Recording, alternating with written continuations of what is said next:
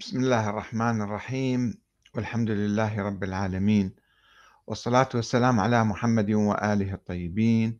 ثم السلام عليكم أيها الأخوة الكرام ورحمة الله وبركاته.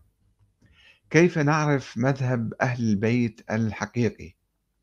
وهل نحن فعلا من أتباع أهل البيت؟ لماذا يوجد تناقض كبير وكثير في الأحاديث المنسوبة للأئمة في أهم المصادر الشيعية في الكتب الأربعة. وهذا ما يفرض علينا التساؤل والبحث. فطرحنا آه، سؤالا في الحقيقة لماذا آه، يوجد هذا التناقض؟ في في معظم المسائل هناك آراء متعددة. آه، أولا هناك خمسة أسئلة. أولا لأن الرواة كانوا يكذبون عليهم. الرواة اللي كانوا في حياة الأئمة اللي يدعون هم أصحاب الأئمة أو هم مقربين من عندهم هؤلاء كانوا يكذبون على الأئمة. وبالتالي فامتزجت رواياتهم المكتوبة في آه، الروايات الصحيحة الواردة عن أهل البيت. وبعض الناس المعروفين بالكذب معروفين بالتزوير والأئمة كانوا يلعنوهم ويتبرؤون من عندهم ويحذرون الشيعة من عندهم. هؤلاء كانوا يأخذون كتب الشيعة كتب الأصحاب الأخرى والأصحاب الآخرين الموثوقين ويكتبوا فيها يضيفوا فيها. فلذلك اختلطت الأحاديث. فإذا السؤال الأول أو الجواب الأول لأن الرواة كانوا يكذبون عليهم. لذلك حدث هذا التناقض في أحاديث أهل البيت. اثنين لأنهم كانوا يستعملون التقية أحيانا فيفتون بغير ما يعتقدون. أيضا هناك يعني من يقول بذلك. يقول الأئمة كانوا يعني يفتون أحيانا تقية فلذلك حدث التناقض في أقوال الأئمة. يعني مثلا واحد يسأل الإمام الصادق هل أنت إمام معين من قبل الله؟ يقول لا. في رواية أخرى رواية يقول نعم. يعني لخاصة أصحابه يقول نعم في العلن يقول لا. وفي مسائل أخرى. الجواب الثالث أو السؤال الثالث لأنه مفوض إليهم. هناك من يقول بأن الأئمة الله مفوض لهم التشريع فهم يفتون كما يشاءون. هذا جائز لهم. هاي النظرية موجودة أيضا وسوف نتطرق إليها. آه رابعا لأن لهم الحق في نسخ الأحاديث السابقة. يعني هم كانوا ينسخون الأحاديث السابقة. أحاديث سابقة عن أئمة سابقين آه، كانت موجودة ويجون أئمة آخرين مثلا فينسخون الأحاديث السابقة. هذا أيضا نظرية يقول بها بعض العلماء حتى الآن يعني.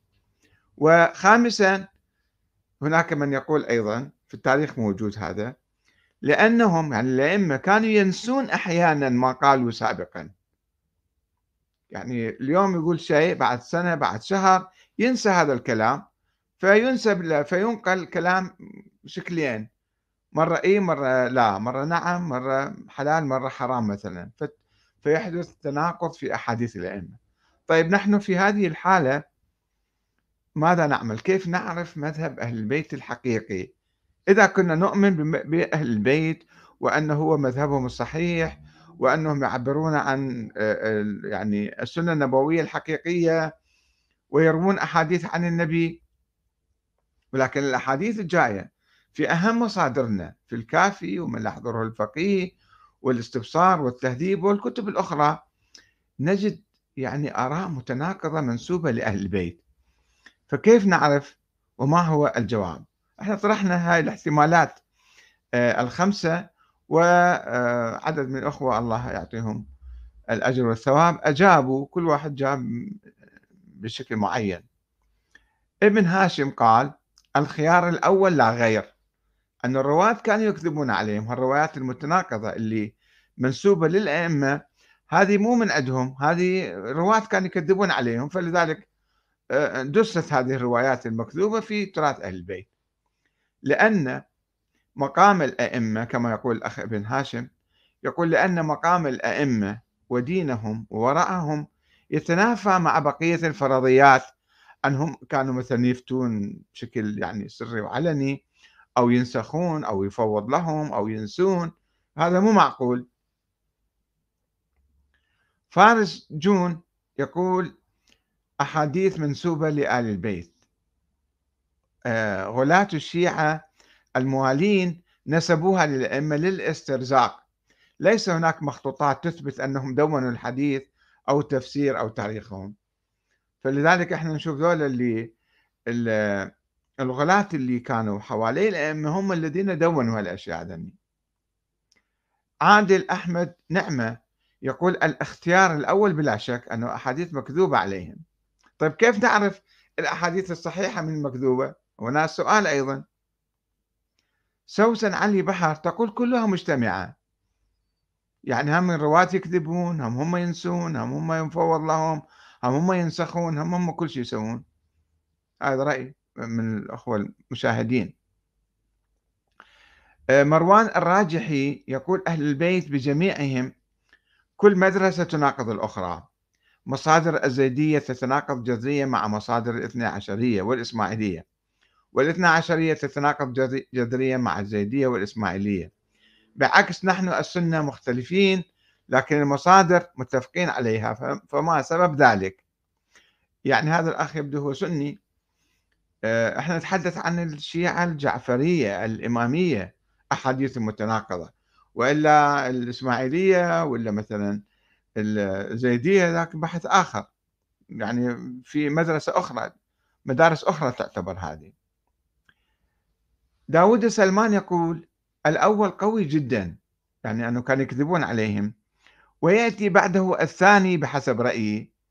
يعني الثاني خلينا نشوف شنو هو أنهم كانوا يستعملون التقية أحيانا فيفتون بغير ما يعتقدون. هذا يقول هذا الثاني أيضا احتمال وارد. آه، فتحي مختار يقول الأربع أسباب والله أعلم. عبد الرحمن العبد الله يقول حياكم الله أستاذنا المحترم وأطال بقاءكم بصحة وسعادة ونفع بكم ونشر.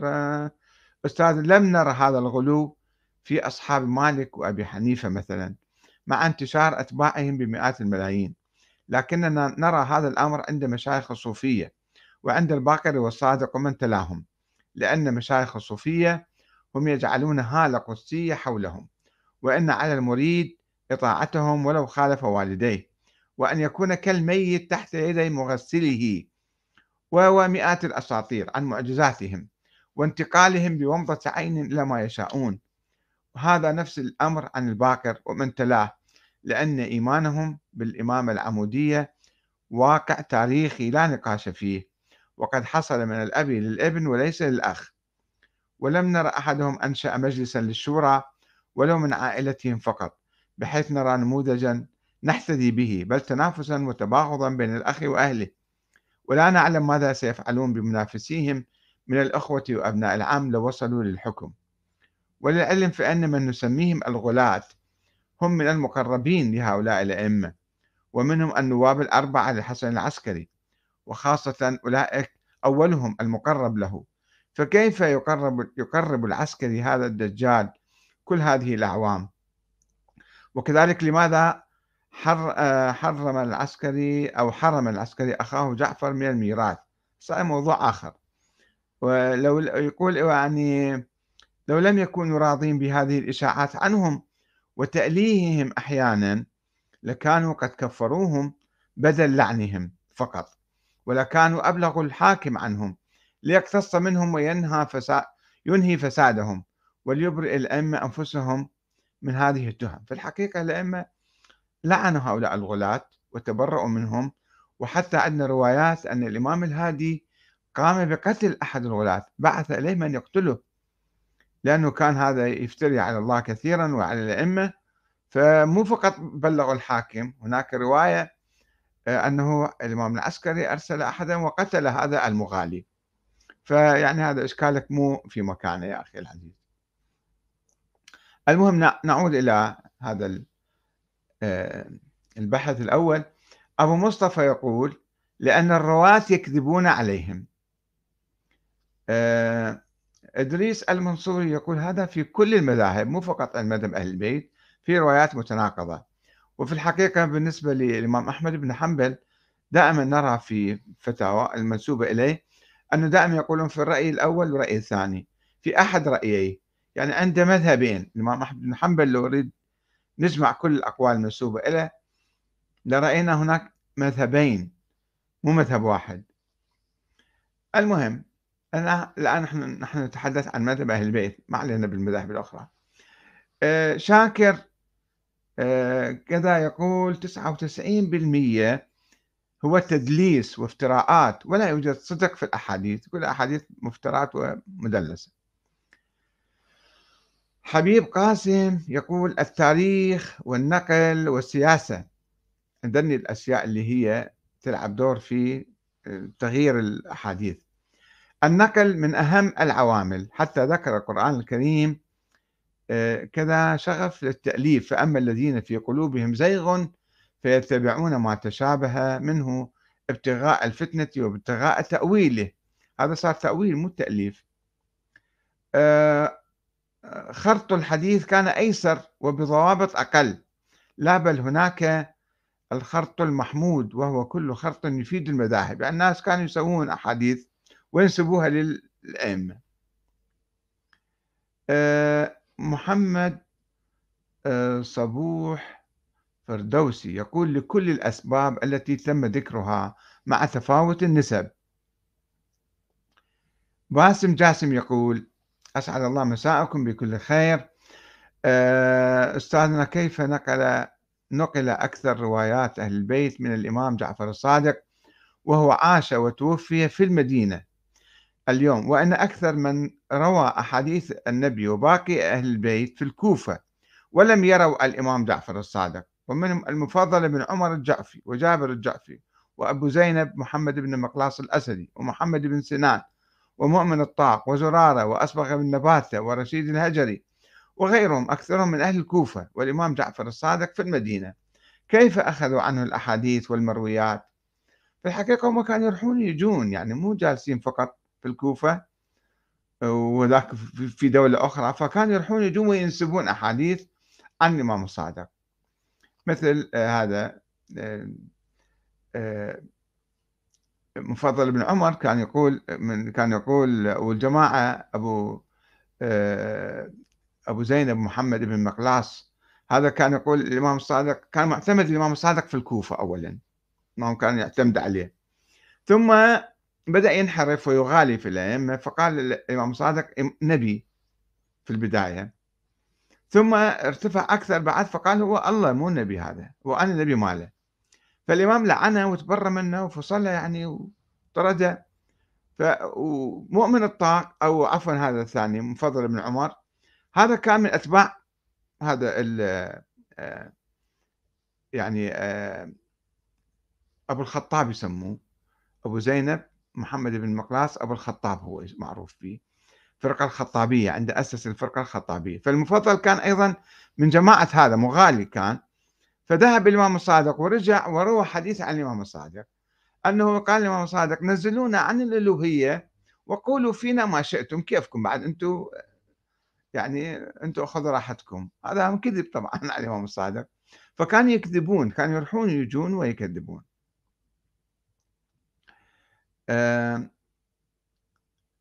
سيف الزبيدي يقول لأن الكذب حبل حبله حبله قصير فحسب المحققين أنفسهم وجد أن أمهات كتب كل الطوائف لا يصح منها أكثر من 5% وهذه الخمسة صحيحة عند أحدهم ومرفوضة عند آخرين والخلاصة أن التاريخ مزور ولا يغني من الحق شيئا. أياد الحسن يقول تحليل منطقي أخي وأستاذي آه، خلي نشوف إحنا آه، شوي نلقي نظرة على هذا الموضوع. آه، بعد ما استعرضنا أقوال الإخوان في الحقيقة كان هناك سؤال مطروح منذ الزمن الأول عن نسبة ما يقال أنه تشيع أو هذه المدرسة مثلا المدرسة الجعفرية أو الروايات المنسوبة على أهل البيت. كان أكو سؤال في صحة نسبتها إلى أئمة أهل البيت ولا سيما الإمامين الباقر والصادق. نظرا لورود روايات كثيرة عنهم في نفس الأيام في نفس ذيك يعني زمانهم فيها اختلاف وتناقض وخروج عن القرآن والسنة النبوية حتى. وتتضمن غلوا كبيرا إلى حد ادعاء النبوة ونزول الملائكة عليهم والعلم اللدني والإلهام وما شابه. فهل كان هذا الاختلاف في الروايات المتناقضة من الأئمة أنفسهم أم من الرواة الكذبة الغلاة والمندسين في أتباع أهل البيت؟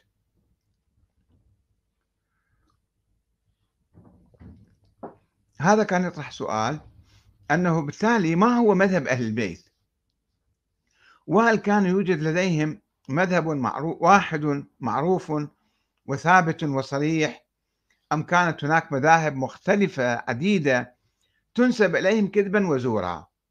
ولا سيما في العقائد مثلا في عقيدة الإمامة. أن الولاية مثلا هذا الحديث المعروف اللي هذا الشيخ الأيرواني دائما يأكد عليه أنه أركان الإسلام خمسة الصلاة والصوم والحج والزكاة والولاية. وأهمها الولاية واللي ما عنده ولاية هذا أعماله كلها باطلة والله ما يتقبل عمله هذا كلام خطير جدا. ولكن إحنا نحاول نشوف هذا يعني فعلا الإمام باقر قال هذا الكلام أم نسب إليه كذبا وزورا. وهذا نعرض على القرآن نشوف القرآن هم الأئمة نفسهم كانوا يقولون الإمام الصادق كان يقول اعرضوا كلامنا على القرآن. فإذا شفتوه يتعارض مع القرآن فاضربوا به عرض الجدار. ولكن عندنا بعض المشايخ يقول لا هذا حديث سند صحيح. طيب سند صحيح وهو يعارض القرآن شلون تقبل به فهنا المشكلة أنه صار التباس عندنا في معرفة مذهب أهل البيت. حتى الآن روحوا للحوزة روحوا للمراجع المشايخ ترى ما يعرفون مذهب أهل البيت. حقيقة أنا لا أريد أن أتجنى عليهم ولكنهم لأنهم لم يدرسوا هذا هذه الأمور ويمرون عليها بسرعة فيعتقدون أن ما يحملون في رؤوسهم من أفكار هي هذه آه، نظريات أهل البيت وهذا مو صحيح بحاجة إلى مراجعة في الحقيقة. وأنا أوجه رسالة إلى المراجع وإلى سيدي السيستاني حفظه الله وأطال في عمره وأن يقوم بمبادرة لتحديد مذهب أهل البيت بالضبط ودراسة مذهب أهل البيت ويعمل ندوات ومؤتمرات مو فقط ناس يجون يجاوبون كما يشاءون في المكتب المنسوب إليه والناس يكتبون كما يشاءون. بحاجة إلى حوار حوار حقيقي وعلمي ودراسات علمية تاريخية عميقة حتى نفهم لأن نشوف بعض المراجع هم ما فاهمين مذهب البيت وهم ينسبون أشياء عجيبة غريبة إلى مذهب البيت. بس نشوف الآن. مثلا السيد السيستاني أنا كمرة مطرح هذا الموضوع ومطالبة ببيان رأيه أو مراجعة هذا الرأي أو توضيحه أو يعني تبيان الأدلة إذا عنده عليه أدلة على ذلك. هذا الشيء المنسوب والمكتوب طبعا ومنسوب للسيد السيستاني اللي هو الآن أكبر مرجع في النجف. ما في يعني بحث وأدلة مجرد يعني كلام ينقل ينقلوه هكذا. مثلا هو هذا الموضوع اللي إحنا بصدده الآن أنه في اختلاف في أحاديث أهل البيت. فإحنا شلون نعرف مذهب أهل البيت الحقيقي؟ السيد السيستاني يبحث هذا الموضوع بتفصيل في كتابه الرافد في الأصول فيقول إن أسباب الاختلاف آه، قسمان أسباب داخلية وأسباب خارجية. والمقصود بالأسباب الداخلية هي الأسباب التي صدرت من قبل أهل البيت أنفسهم. والمقصود بالأسباب الخارجية هي الأسباب التي صدرت من الرواة والمدونين. اللي يكذبون يشتبهون ينسون مثلا هذول أسباب خارجية يسميها السيد السيستاني. ويجي يعدد الأسباب الداخلية. فالأسباب الداخلية عدة منها. واحد لاحظوا شوف هذا كلام خطير جدا. وبحاجة إلى وقفة ومراجعة من الحوزة كلها. من العلماء من من يتصدى المرجعية من المثقفين من الحركات الإسلامية. أن تراجع هذه مسائل مهمة أنه إحنا نتعارك مع الآخرين إحنا شيعة وأنتم سنة. طيب إحنا أتباع أهل البيت مدرسة أهل البيت. ما هي مدرسة أهل البيت؟ ما نعرفها. مراجعنا ما يعرفوها. مراجعنا وعلمائنا وشيوخنا وأساتذتنا بالحوزة يعني أخباريين مو محققين في الحقيقة. شوفوا هذا الكلام أنا ما أريد أتجنى على أحد ولا أريد أن أهاجم أحدا ولكن هذا الكلام معقول أو غير معقول؟ وماذا يعبر هذا الكلام؟ هذا كلام السيد السيستاني الآن. يقول الأسباب الاختلافات أسباب الاختلاف في أحاديث أهل البيت عدة أمور. فواحد أول شيء يذكر النسخ. يقول وتحدثنا عن إمكان صدور النسخ من قبل أهل البيت عليهم السلام. مو فقط للأحاديث مالتهم لا يقول نسخ القرآن للآية القرآنية.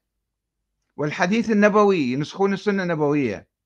والحديث المعصومي السابق يعني أحاديث الأئمة السابقين. يعبر عنهم الأئمة معصومين وهذا ما موجود عند أهل البيت ولا في أحاديث ثابتة أنهم ادعوا العصمة فإذا إحنا ندعي العصمة لهم من عندنا يعني. وثم يجي يشرح أكثر فيقول وأقسام النسخ من النسخ التبليغي الذي يعني كون الناسخ مودعا عندهم عليهم السلام من قبل الرسول. ضم كتاب أو دفتر أو كمبيوتر ما أدري أنه هذا يبقى واحد بعد واحد بعد واحد. يجي الإمام الصادق مثلا ينسخ السنة النبوية ينسخ القرآن لأن النبي قايل كاتب له رسالة وحاطها بالظرف ما أعرف بالبريد حتى توصل للإمام الصادق. هكذا يقول السيد السيستاني. هذا كلام عجيب غريب طبعا.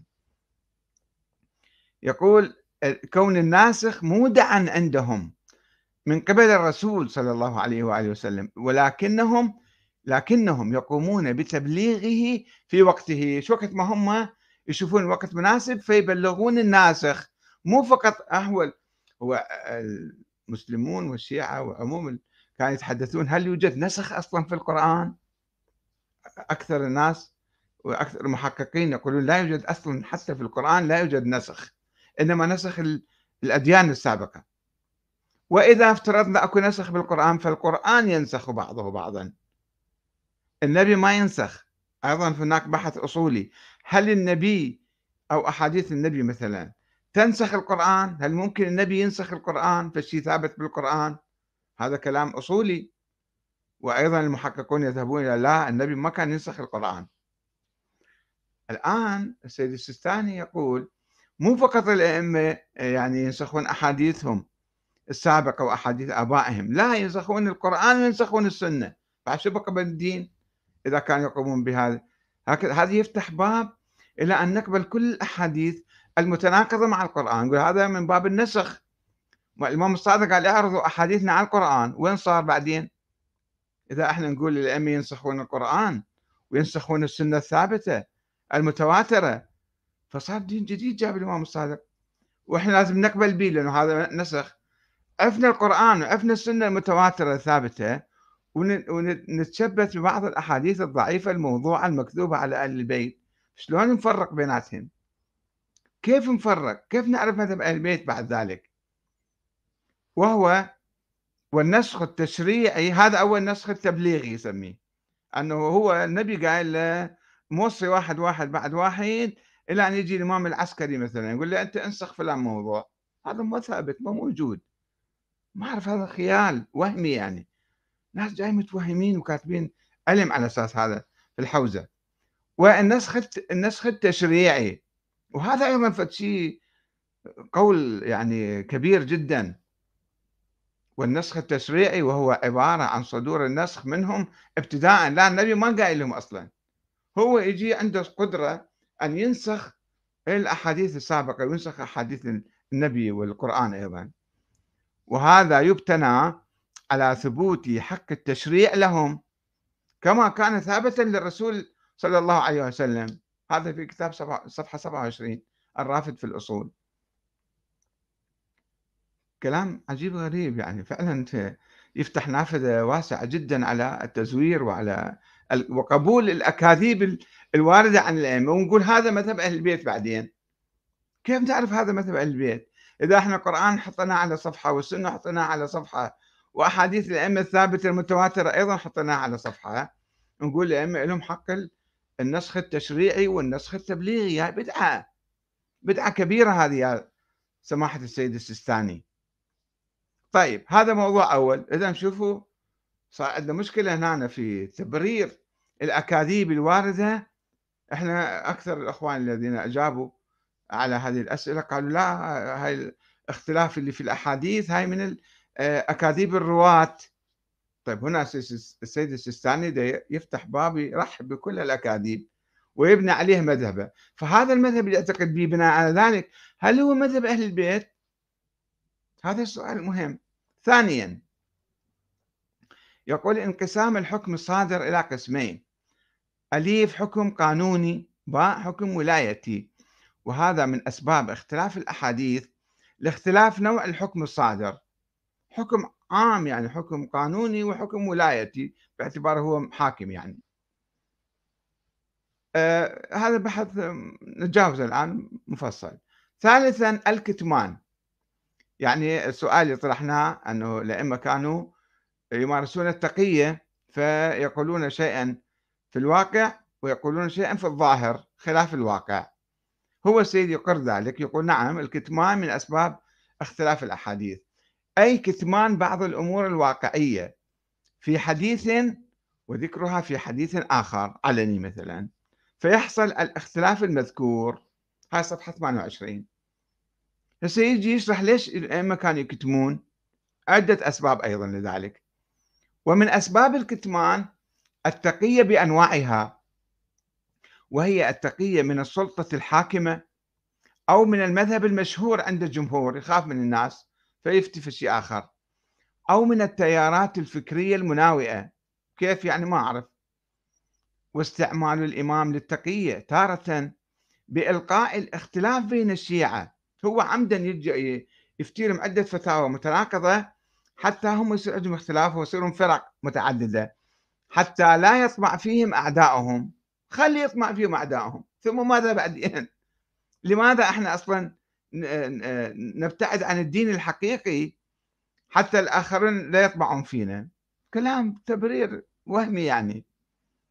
نتيجة لاختلافهم. في يعني بعد ما يصيرون الشيعة معروفين مذهب واحد لا مو كلهم شيعة واحد ضد الثاني. فهم الأئمة عمدا كانوا يلقون الخلاف حتى يفرقون الشيعة. كما ورد في الروايات هو هنا المشكلة يعني واحد مرجع عالم كبير أستاذ في الحوزة يقول كما ورد في الروايات. رحت حققت فيها دققت درست الروايات اجتهدت فيها وتقبلها هالشكل ما يصير. هذا أولا. ثاني وثالثا بإخفاء الحكم الواقعي. هو عمد الإمام يخفي الحكم الواقعي يفتي حكم آخر ضد الحكم الحقيقي. ونوع الأحكام التي يصح فيها طريق إلقاء الاختلاف بين الشيعة. يختلف الأنواع تختلف. وهذا بيان إجمالي للأسباب الداخلية لاختلاف الحديث. هذا الآن يبرر يفسر لماذا أحاديث الأئمة مختلفة ومتناقضة. هاي بصورة مجملة مش شايفين عند البحث المفصل. صفحة 29 في كتاب الرافد في الأصول. ويضيف السيد السيستاني إلى تلك الأسباب التورية العرفية. التورية العرفية. وهي الستر على المراد الجدي الواقعي بعدة أساليب ما يحكي عدل يعني. يحاول يفتي بشكل كما ورد عنهم عليهم السلام كله ورد إن كلامنا لينصرف إلى سبعين وجها لنا منها المخرج صفحة 23 يقول الإمام صادق قال هالشكل. إن كلامنا إحنا نحكي في الكلام كل واحد يفهمه شكل مو واضح مو صريح مبهم غامض. إن كلامنا لينصرف إلى سبعين وجها.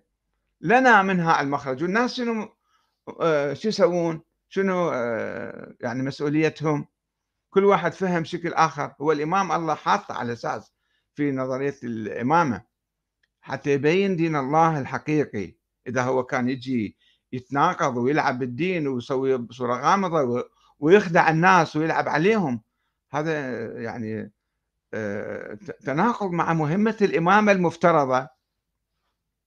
ولكن يمشون عليها كأنها مسلمات هذه. وروى الكليني عن الصادق أنه كان يفتي هذا السيد السيستاني يقول. يقول وروى الكليني عن الصادق أنه كان يفتي الناس أحيانا حسب انتماءاتهم. وربما غير فتواه في مجلس واحد عدة مرات. هذا في كتاب الكافي كتاب الحجة باب في معرفتهم أولياءهم والتفويض إليهم حديث رقم ثلاثة. وأنا أضيف على أشرح الموضوع هذا. ونقل أو ونقل عن موسى بن أشيم. قال كنت عند أبي عبد الله فسأله رجل عن آية من كتاب الله عز وجل. فسر لنا الآية القرآنية فأخبره بها. ثم دخل عليه داخل فسأله عن تلك الآية فأخبره بخلاف ما أخبر به الأول. يقول هذا موسى فدخلني من ذلك ما شاء الله حتى كأن قلبي يشرح بالسكاكين. فقلت في نفسي تركت أبا قتادة بالشام لا يخطئ في الواو وشبهه وجئت إلى هذا يخطئ هذا الخطأ كله. فبين أنا كذلك دخل عليه آخر فسأله عن تلك الآية. فأخبره كلهم جو على نفس الآية بالصدفة يعني. هذا حديث مزور على الإمام الصادق ولكن شوفوا شلون يصوره. يقول اجى واحد ثالث نفس الآية جاء سأله فأخبره بخلاف ما أخبرني وأخبر صاحبي فسكنت نفسي. فعلمت أن ذلك منه تقية. قال ثم التفت إلي فقال لي يا ابن أشيم إن الله عز وجل فوض إلى سليمان بن داود فقال هذا عطاؤنا فمن أو أمسك بغير حساب.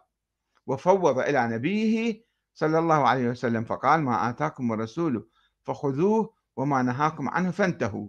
فما فوض, فوض إلى رسول الله فقد فوضه إلينا.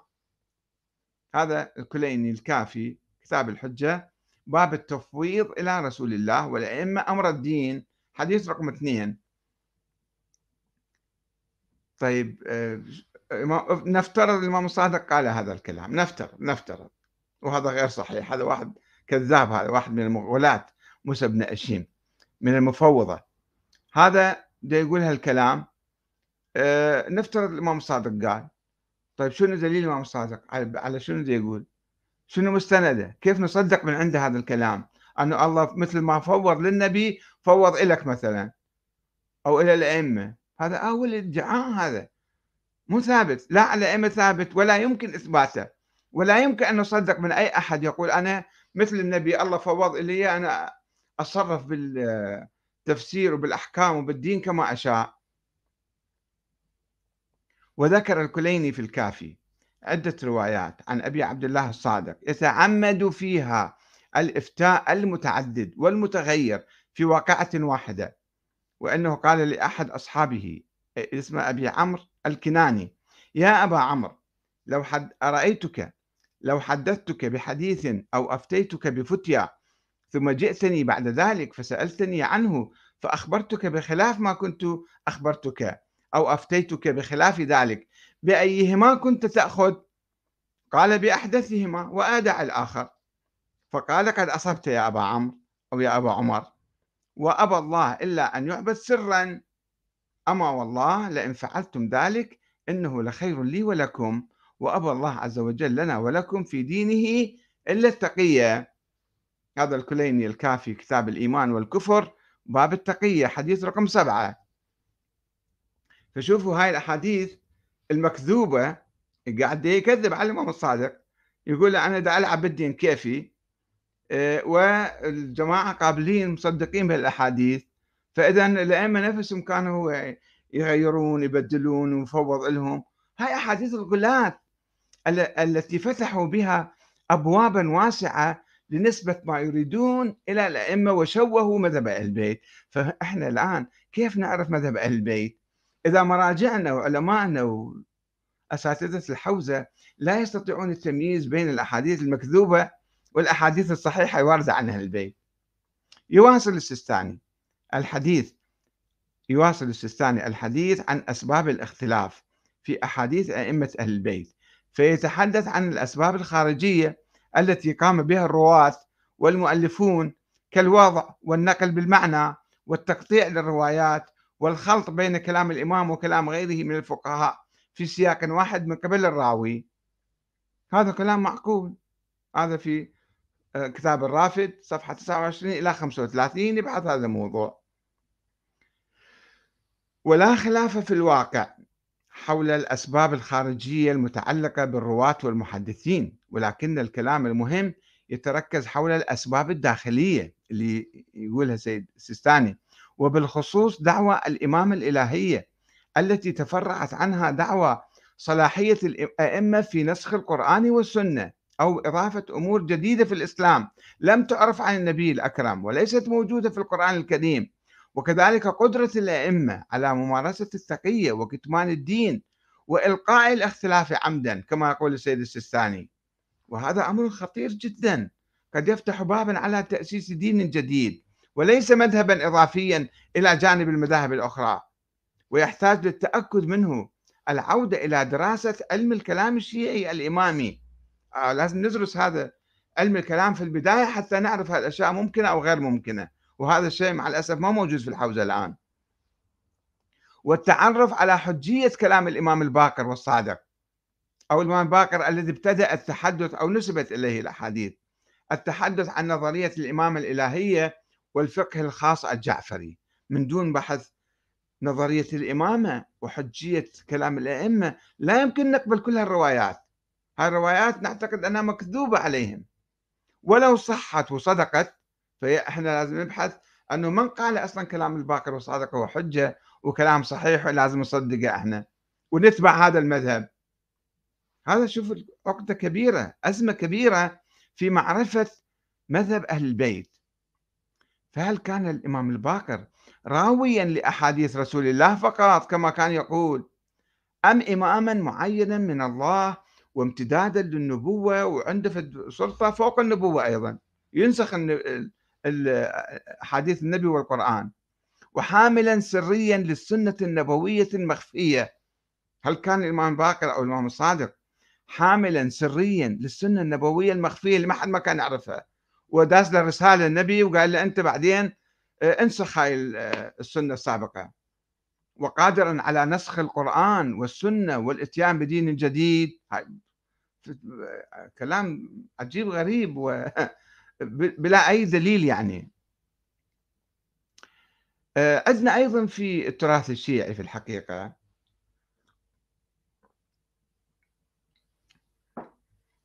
عودا إلى الأسئلة طرحناها في البداية أن الأئمة آه، يعني كانوا ينسون أو هم كانوا يفتون أشكال متعددة أو تقية أو الرواة كانوا يكذبون عليهم. شفنا الآن أكو روايات لا تقول هم الأئمة كانوا يلقون الاختلاف. نجي إلى العالم الرجالي الشيعي أبو عمرو الكشي هذا كان في القرن الرابع الهجري وأول علماء الرجال الشيعة. آه، عنده كتاب معرفة الرجال آه، في ترجمة عمر بن رباح. يقول قيل إنه كان اولا يقول بإمامة أبي جعفر عليه السلام يعني كان مؤمن بإمامة الباقر. ثم أنه فارق هذا القول وخالف أصحابه مع عدة يسيرة. جماعة ويا راحوا انشقوا يعني. تابعوه على ضلالته. هسه وهذا إمامي يعتبر الإمام هذا يعني صحيح وهذا ضال الآن ليحكم عليه؟ تابعوه على ضلالته. خلينا نشوف ضلالته شنو هي. فإنه زعم أنه سأل أبا جعفر عليه السلام عن مسألة فأجابه فيها بجواب ثم عاد إليه في عام آخر وزعم أنه سأله عن تلك المسألة بعينها فأجابه فيها بخلاف الجواب الأول. فدري آخر أعطاه فقال لأبي جعفر عليه السلام هذا بخلاف ما أجبتني في هذه المسألة عامك الماضي. فذكر أنه قال له لأنه يعني آه، عمر بن رباح يقول أن الباقر قال لي إن جوابنا خرج على وجه التقية. فشك في أمره. هذا العالم الرجالي الشيعي أبو عمرو الكشي يقول فشك في أمره أمر الباقر يعني وإمامته. فلقي رجلا من أصحاب أبي جعفر عليه السلام يقال له محمد بن قيس. فقال إني سألت أبا جعفر عليه السلام عن مسألتي فأجابني فيها بجواب ثم سألت عنها في عام آخر فأجابني فيها بخلاف الجواب الأول. فقلت له لما فعلت ذلك؟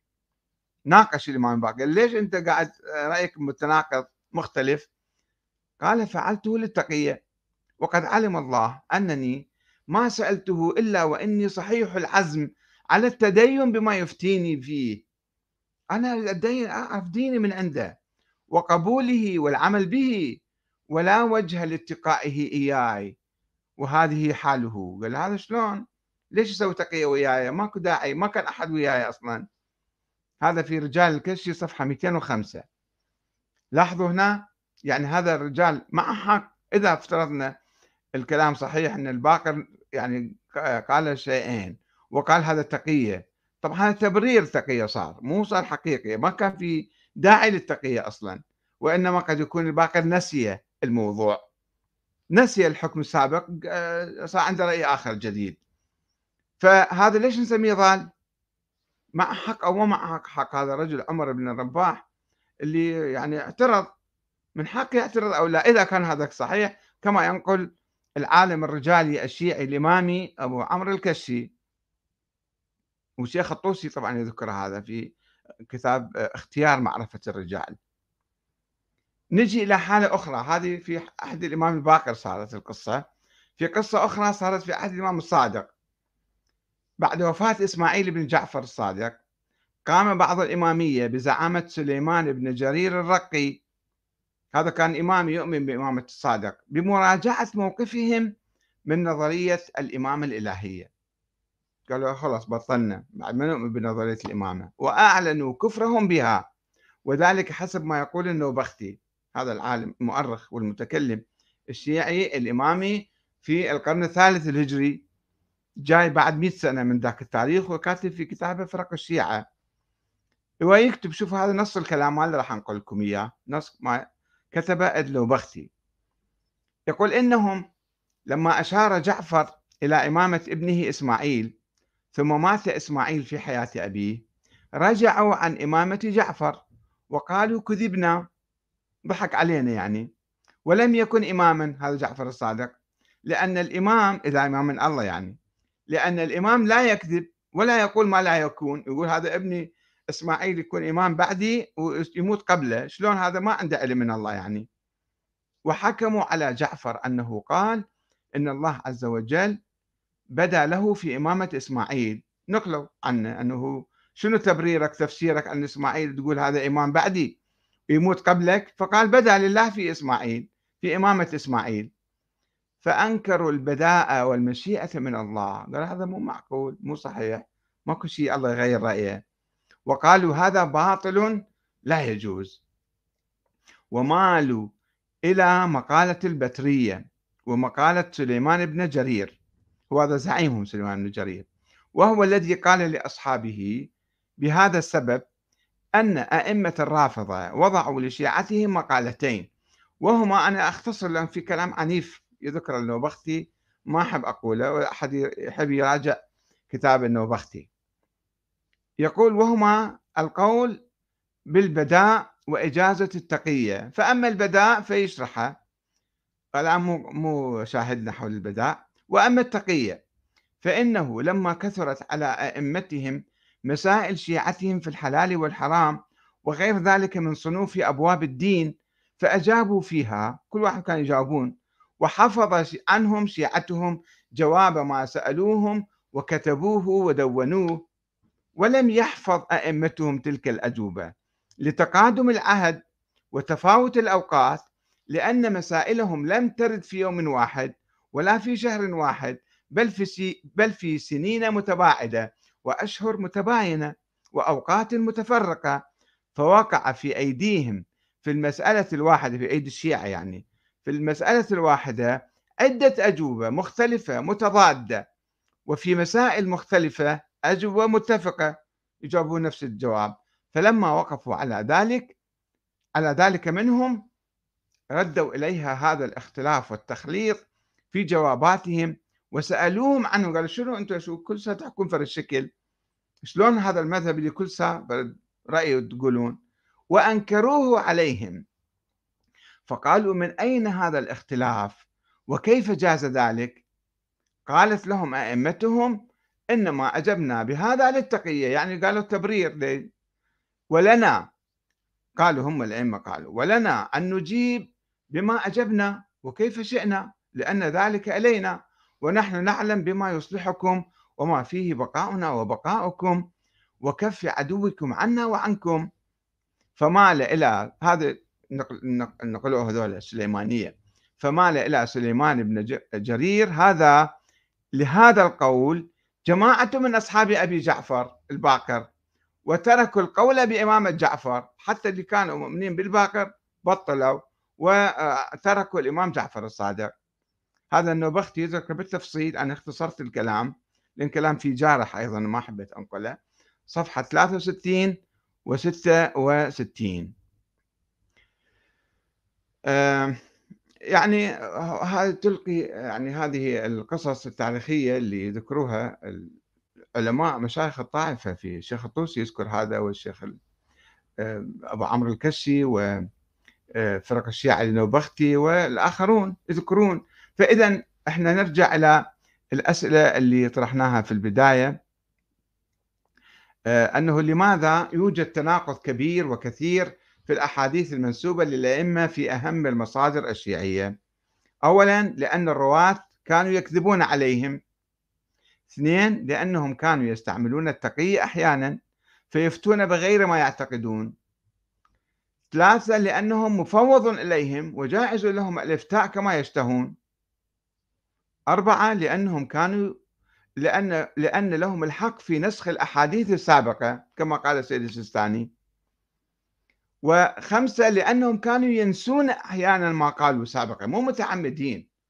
ولكن عندما يسألوهم يقولون هاي تقية يعني يبررون الاختلاف والنسيان يقولون هاي تقية فإذا إحنا شفنا مجموعة الأحاديث كيف إحنا إذا صدقنا بكل الأحاديث؟ إذا صدقنا ونحن لا نصدق بكثير منها.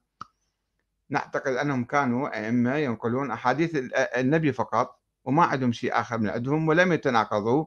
إنما هؤلاء الغلاة والمنحرفون والكذابون الذين كانوا يحيطون بهم وينقلون إليهم فكانوا يعني آه، ينسبون إليهم. وبالتالي أين مذهب أهل البيت الحقيقي؟ السؤال هو هنا كيف نعرف مذهب أهل البيت الحقيقي؟ الآن نحن نحب أهل البيت ونقول أن مذهبهم مثلا أصح المذاهب ورواياتهم أصح الروايات. طيب في الحالة هذه ما هي رواياتهم الحقيقية؟ ما هو مذهبهم الحقيقي؟ كيف نعرف الروايات؟ إذا كان مراجعنا وشيوخنا وأساتذتنا في الحوزة لا يميزون بين الصحيح والخاطئ بين الأحاديث المكذوبة والأحاديث الموضوعة. ماذا نفعل الآن؟ وإحنا مقسمين البلد ومقسمين الأمة الإسلامية وشيعة وسنة ماذا يعني إحنا شيعة؟ شيعة جعفرية خصوصا. يعني إحنا نؤمن بالإمام علي وأنه كان رمز العدالة الاجتماعية وأن الإمام الحسين ثار على الظالمين. نقتدي بهؤلاء الأئمة. ولكن ما يسمى بالمذهب الجعفري أو الفقه الجعفري هذا الفقه كيف إحنا نتأكد من عنده؟ مو بحاجة إلى بحث وتأكد في آه، دراسة سند الروايات أولا ومعرفة الروايات الموضوعة وغير الموضوعة وهذه مشكلة كبيرة لأن بعض العلماء كما شفنا الآن مصدقين بكل هالروايات. وأيضا بحاجة إلى أن نعيد النظر لو صحت كل هالروايات أنه من هم الإمام الأئمة؟ من هو الإمام باقر والإمام الصادق؟ هل هو كان إمام معين من قبل الله وكلامه هو كلام الله وكلام النبي؟ وحتى لو تناقض وحتى لو نسخ القرآن والسنة ويبقى كلامه كلام النبي هل هذا كلام معقول؟ هل هذا كلام صحيح؟ أم بحاجة إلى ثورة ثقافية في الحوزة وفي المجتمع الشيعي للتعرف على مذهب أهل البيت الحقيقي إذا كنا فعلا نحب أهل البيت ونود السير على خطاهم والالتزام بمذهبهم سؤال خطير جدا وأتمنى من الحوزة أن تجيب عن ذلك وأتمنى من السيستاني أن يعيد النظر فيما نقل عن الأئمة وفي محاولات تبريره للتناقض الموجود في الأحاديث المنسوبة لأهل البيت. والسلام عليكم ورحمة الله وبركاته.